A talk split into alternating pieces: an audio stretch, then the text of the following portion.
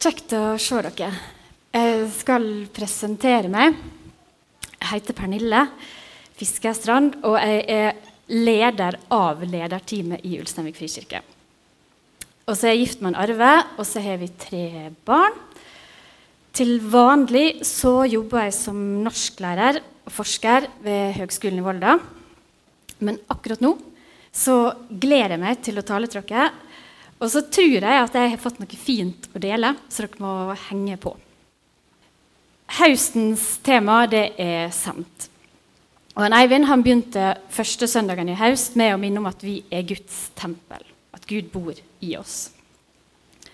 Og så, To søndager etterpå så fortsatte han Arve, og så viste han hvordan Jesus går i forbønn for oss. Rett før han skal dø og opp til sin far, så ber han om eh, så sender han på en måte oppdraget videre, og så ber han for oss i Johannes 17.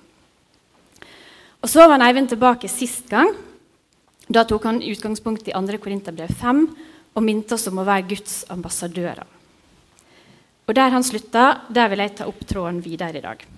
Det skal handle om eh, det lite catchy temaet avsender, sendebud og budskap. Før vi går inn i det, så skal jeg vise dere litt av faget mitt. Dette er veldig gøy. Litt tekstteori. Og jeg skal vise dere eh, teksttrekanten. Se om den Sånn. Dere som hører på podkast og ikke sitter her og ser presentasjonen, dere kan google teksttrekanten eller skrive trekanten. Og denne Modellen her, den har bakgrunn i en retning som blir kalt dialogisme. og Den bygger på teori av en russisk litteraturteoretiker som heter Mikhail Bakhtin. Og Den som vil, den må gjerne google han også. så det er mye kjekt. Men eh, teksttrekanten den viser oss hvordan formålet med en tekst henger helt uløselig sammen med innholdet i teksten, som igjen henger sammen med forma til teksten. Og når jeg underviser studenter om dette, her, så bruker jeg å ta et eksempel med f.eks. kjærlighetsbrev. Når du skriver et kjærlighetsbrev, så er formålet å forsterke eller utdype en personlig relasjon. Innholdet det kan være veldig nært og personlig, som 'Jeg elsker deg' på dialekt.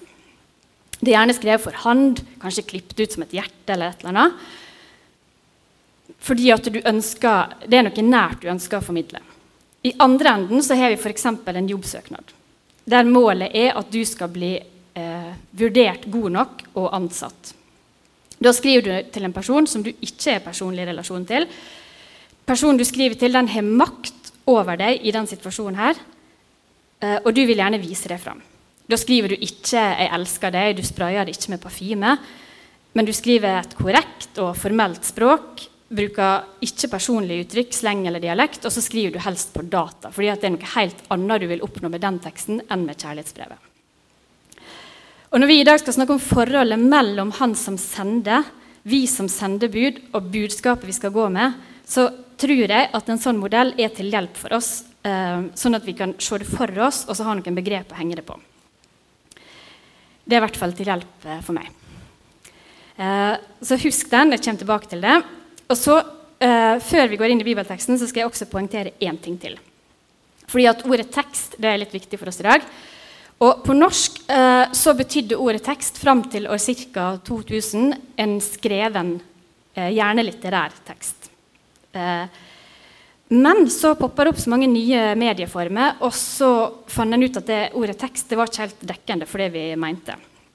Og så kom en på det ikke veldig originale uttrykket det utvida tekstbegrepet. Og I noen år så ble det brukt i lærebøker, og sånn, som liksom skulle da dekke bilder, muntlige tekster, musikk og film og sånn. Og så eh, gikk det bare noen få år, så var det en forsker på Universitetet i Stavanger som mente at dette var helt tullete og tungvint å bruke det, og at ordet tekst allerede betydde det vi trengte å putte inn i det. Så fra sånn ca. år 2006 så har tekst på norsk betydd Eh, skriftlig, skjønnlitterære tekster, også fagtekster, også muntlig tale, bilde, film og alt dette her. Og det som er så kult, eh, og Grunnen til at jeg sier det, er at den teksten vi skal inn i, der tangerer Paulus moderne tekstforskning. Skal vi lese fra 2. Korinterbrev 3, 1-6. Tjenere for en ny pakt. Begynner vi nå igjen å komme med lovord om oss sjølve? Eller trenger vi, som visse andre, brev med tilråding fra dykk eller til dykk? Nei, det er selve vårt tilrådningsbrev, skrevet i hjertene våre, kjent og lese av alle. For det viser at det er Kristi brev, som har blitt til ved vår tjeneste. Det er ikke skrevet med blekk, men med den levende Guds ande. Ikke på steintavler, men i hjertet, på tavler av kjøtt og blod. Denne tilliten har vi, til, har vi til Gud ved Kristus. Men dette er vi ikke i stand til av oss sjølve. Vi kan ikke tenke ut noe som om det kom fra oss. Nei, bare ved Gud er vi i stand til dette. Han som òg gjorde oss til tjenere for en ny pakt, som ikke bygger på bokstav, men på ande. For bokstaven slår i hæl, det er hardt for en norsklærer, men anden gir levende. Litt kontekst rundt det vi leser her. Eh, det er Paulus som skriver, og han er i hardt vær fordi han er ikke spesielt populær i Korint. Han er fattig, han er lav status. Det går ganske dårlig med håndverksbusinessen hans, så han må tigge. Og Dermed så mangler han troverdighet, og folket rundt de vil gjerne høre på andre, mer anerkjente, høyere status enn han. Han blir anklaga av folket for å ikke ha med seg et sånt anbefalingsbrev, slik som andre åndelige ledere hadde. Altså etterspør folk i Korint egentlig formell kompetanse. De vil ha studiepoeng, et diplom eller et svennebrev. et eller annet. Mens Paulus holder hardnakka på at vi som har Guds ånd på innsida, vi trenger ikke noen andres godkjenning eller et anbefalingsbrev eller studiepoeng. Og I denne teksten er det mange fine poeng å ta tak i, men så skal vi spesielt se på tre kobla til innholdet i tekstene, formålet og forma med det brevet som Gud skriver inn i oss. Og så begynner vi med innholdet. For Paulus han skriver det er sjølve vårt tilrådningsbrev. Skrive i hjarta våre, kjent og lese av alle mennesker. Og Her gjør han altså det som jeg sa i sted, at han utvider tekstbegrepet med ganske store steg. Det er ikke bare alle typer medium og sjangre, sånn som vi tenker, men han putter det inn i mennesket. Kroppsliggjør det. Det er Guds ånd i våre hjerter som er dette brevet eller teksten. Altså Sendebudet er også teksten eller brevet som en person med tanker, følelser, handlinger og språk. Og så blir dette brevet kontinuerlig forfatta eh, med et dynamisk og levende innhold. Det er ganske kult. Og så er han også så klar på at dette er ikke noe vi kan klare sjøl. Det er Guds ånd i oss. Så For det første så slår han helt klart fast at du som er tatt imot Jesus, fått Gud på innsida av deg, han har tatt bolig i deg, da er du kvalifisert til å være sendebud. Det er ingen andre kvalifikasjoner enn å ha Jesus i hjertet. Videre så skriver han at brevet er skrevet med Guds ande, ikke med blekk. Og det må bety at det er Guds ånd som taler til oss gjennom oss. Jeg hørte en tale for mange år siden av Terje Hegertun i Philadelphia i Oslo. og Han sammenligna det med å ha eh, Guds ånd på innsida med å ha innlagt vann. Uh, og det har tenkt, uh, det har liksom følt meg, det var et fint bilde, at det er ikke noe som du må gå ut for å hente og mye styr med. Men fordi at du har uh, Guds ånd i deg, så er det en kilde som alltid er tilgjengelig. Og så sier, sier Paulus videre at dette brevet, denne teksten, den blir lest av alle mennesker. Som må bety at den du er, dine vaner, som du bruker å være, som du bruker å si ting, det blir lest og tolka av de rundt deg. Uh, og så kan vi lure på men hva, hva er selve innholdet. Hva er det han vil si? Og Der er Paulus opptatt av å peke på at det er Gud som vil prege dette brevet med sine gode gaver. Og så har han en veldig klar oppfatning til oss. Uh, I Galaterbrevet 5-6 sier han kort og godt Lev et liv i anden. Og så viser han helt konkret forskjellen mellom de fruktene som kjøttet liksom vårt gamle menneske produserer, og så setter han det opp mot åndens frukt, og så framhever han og disse er kjærleik, glede, fred, tålmod, mildskap, godleik, truskap. Og så oppsummerer han i vers 23, så sier han lever vi ved Anden, så lat oss òg vandre i Anden. Så Han viser altså hvordan han vil finne, fylle innholdet i dette brevet med det som er godt for oss. Det er hans fred eller hans glede. Jeg skal vise dere et sitat fra en gammel bok som heter 'Frelsesvisshet', skrevet av Abraham Thomson, som som levde tidlig på, eller var aktiv i hvert fall tidlig på 1900-tallet, og så er boka igjen utgitt i 96. Han sier det er ikke min glede, min fred, min takknemlighet som er avgjørende, men grunnen jeg bygger på, Kristus. Og det syns jeg er så deilig. Uh, det er helt stikk i strid med vår samtid og med selvhjelpslitteraturen og livsstilscoachinga uh, som vi finner rundt oss som snakker om å finne indre og ytre fred. Du skal finne din egen sannhet, du skal kjenne på magefølelsen. Eller lære å lytte til ditt aller innerste. For først da blir du virkelig lykkelig, sier en av våre største kjendiser akkurat nå i sin reklamefilm for sitt nye kurs. Men så sier Paulus på den andre sida men dette er vi ikke i stand til av oss selve. Vi kan ikke tenke ut noe som om det kom fra oss. Nei, bare ved, Guds, bare ved Gud er vi i stand til dette. Jeg syns det er så nydelig. Vi skal bli fylt utafra. Det er ikke noe, er noe skal, Du skal ikke presse fram noe, noe, fred på egen hånd. Lev i Ånden, så vil Han fylle deg. Det er Gud i oss.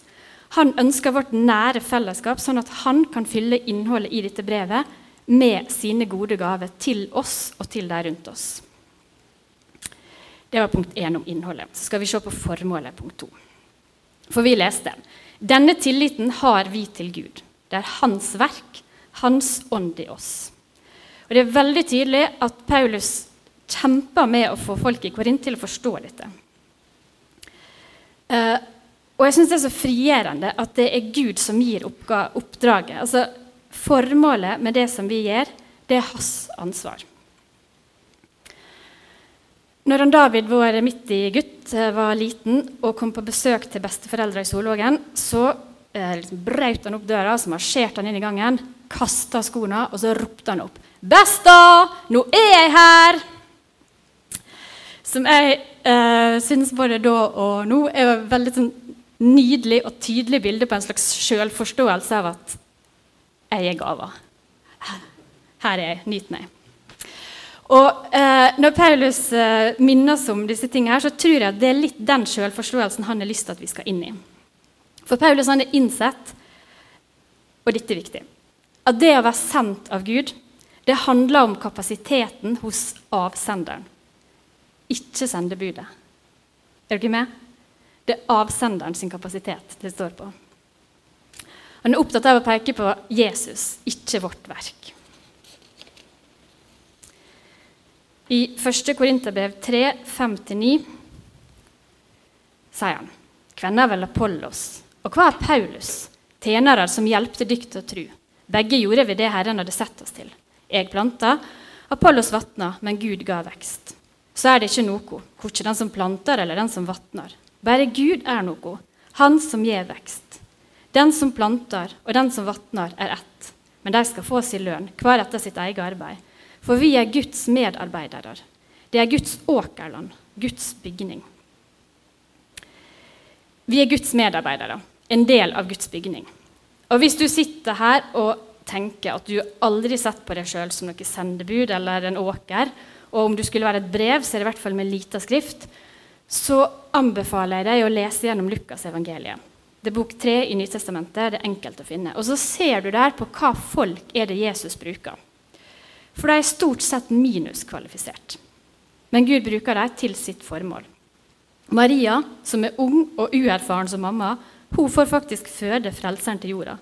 Det er fiskere som skal bli læresveiner uten noe kompetanse på kommunikasjon. Det er en spedalsken som folk ikke vil ta i. Det er Levi, en toller, og som er ganske langt ifra å ha tjent pengene sine på ærlig vis, for å nevne noen.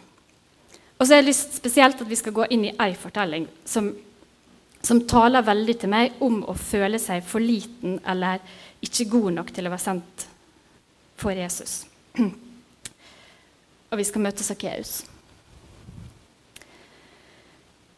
Så kom Jesus til Jeriko og drog gjennom byen.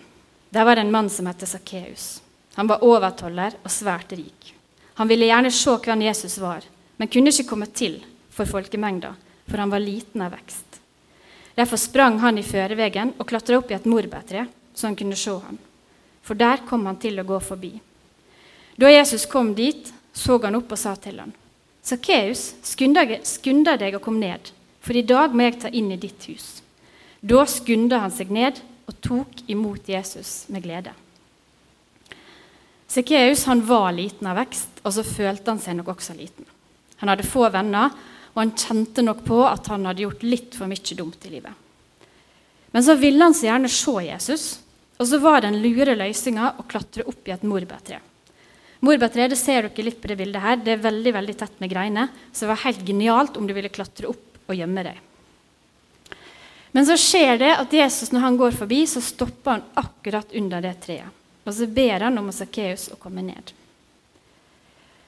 Sakkeus får se Jesus denne dagen. her.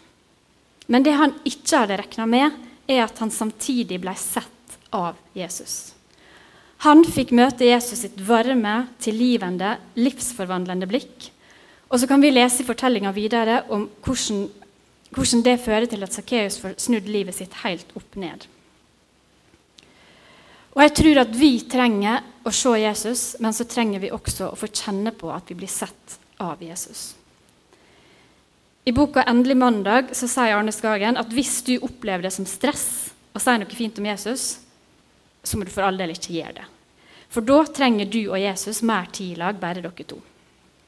Men om vi ser på Sakkeus, så ser vi at det han får oppleve når han blir sett av Jesus, det er så stort at han bare må fortelle det videre. Han må dele det, og så må han gjøre opp for seg. Kvinna ved brønnen i Johannes 4 det er et annet eksempel. For etter at hun har møtt Jesus, så springer hun direkte inn til byen. Rett til de folka som hun har frykta mest av alt. Trosser den voldsomme sosiale angsten og forteller til dem det hun har opplevd.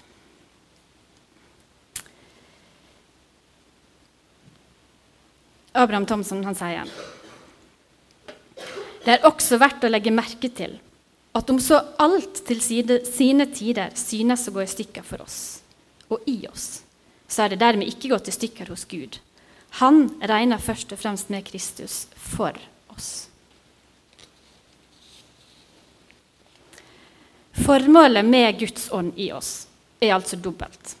Gud vil nå oss som sendebud på samme måte som han ville nå Sakkeus eller kvinner ved brønnen og alle de andre. Samtidig har han lyst til å bruke oss til å nå videre.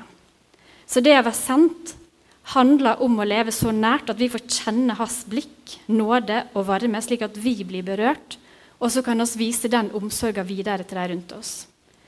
Formålet fra avsenderens side er altså like mye å nå sendebudet som å nå de andre via oss. Og jeg håper at du får kjenne på at du er både mål og middel med den teksten som Gud skriver i deg. Siste punktet det er forma.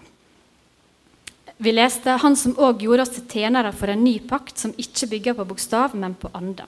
For bokstaven slår i hæl, men anden gjør levende. Og I denne delen her så lager Paulus en kontrast mellom forma på de gamle steintavlene som Moseloven var skrevet på, og kjøtttavlene, eller hjertet vårt, som evangeliet er skrevet på. Han demonstrerer en forskjell mellom død stein og et pulserende, levende hjerte. Guds ånd er virksom i oss i noe som er levende, en muskel som alltid er aktiv. Hjertet vårt har den funksjonen den, eh, i kroppen vår at den pumper ut blod med oksygen og næringsstoff til hele kroppen. Så når Gud fyller vårt hjerte, så blir det et uttrykk for at han fyller hele kroppen. Han når ut til alle celler i kroppen for å fylle det spesifikke behovet hver celle til enhver tid har. Og Paulus vil så gjerne få fram at det Jesus gjorde på korset, når han gjorde opp for oss med å gå i døden for oss, det holder for alle som har tatt imot Jesus. I Romerbrevet 3 så blir han nesten overtydelig når han sier Men nå er Guds rettferd, som lova og profetene vitner om, åpenbæra utenom lova. Dette er Guds rettferd som blir gjeven ved trua på Jesus Kristus til alle som tror. Her er det ingen skilnad, for alle har synda og mangler Guds herligdom. Men ufortjent og av Hans nåde blir de kjente rettferdige, frikjøpte i Kristus Jesus. Han bare gjør det helt klart. Det er ingen forskjell. Alle blir kjent rettferdig, 100% ufortjent av Hans nåde. Likevel, fordi han taler til det um, levende og pulserende hjertet inn i hver av oss, så får han nå hver av oss med det som hver av oss trenger.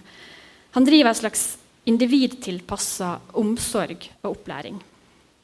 I apostelgjerningene 2, der læresveinene får Den hellige ånd, så er det akkurat dette her som blir framheva. Læresveinene står og snakker. Uh, og så ved Den hellige ånd så blir den enkelte som hører, uh, forstår, uavhengig av sitt morsmål, sitt behov eller sin situasjon. Og Når vi snakker denne høsten om å være sendt, så har vi kanskje til nå lagt mest vekt på de vi omgir oss med, og kanskje de som ikke tror så mye. Vi snakker om kollegaer, folk på jobb, vi snakker om naboer. Og så har ikke vi snakka så mye om familie og det fellesskapet som vi er en del av. Eh, I vår så bodde vi et halvår vekke.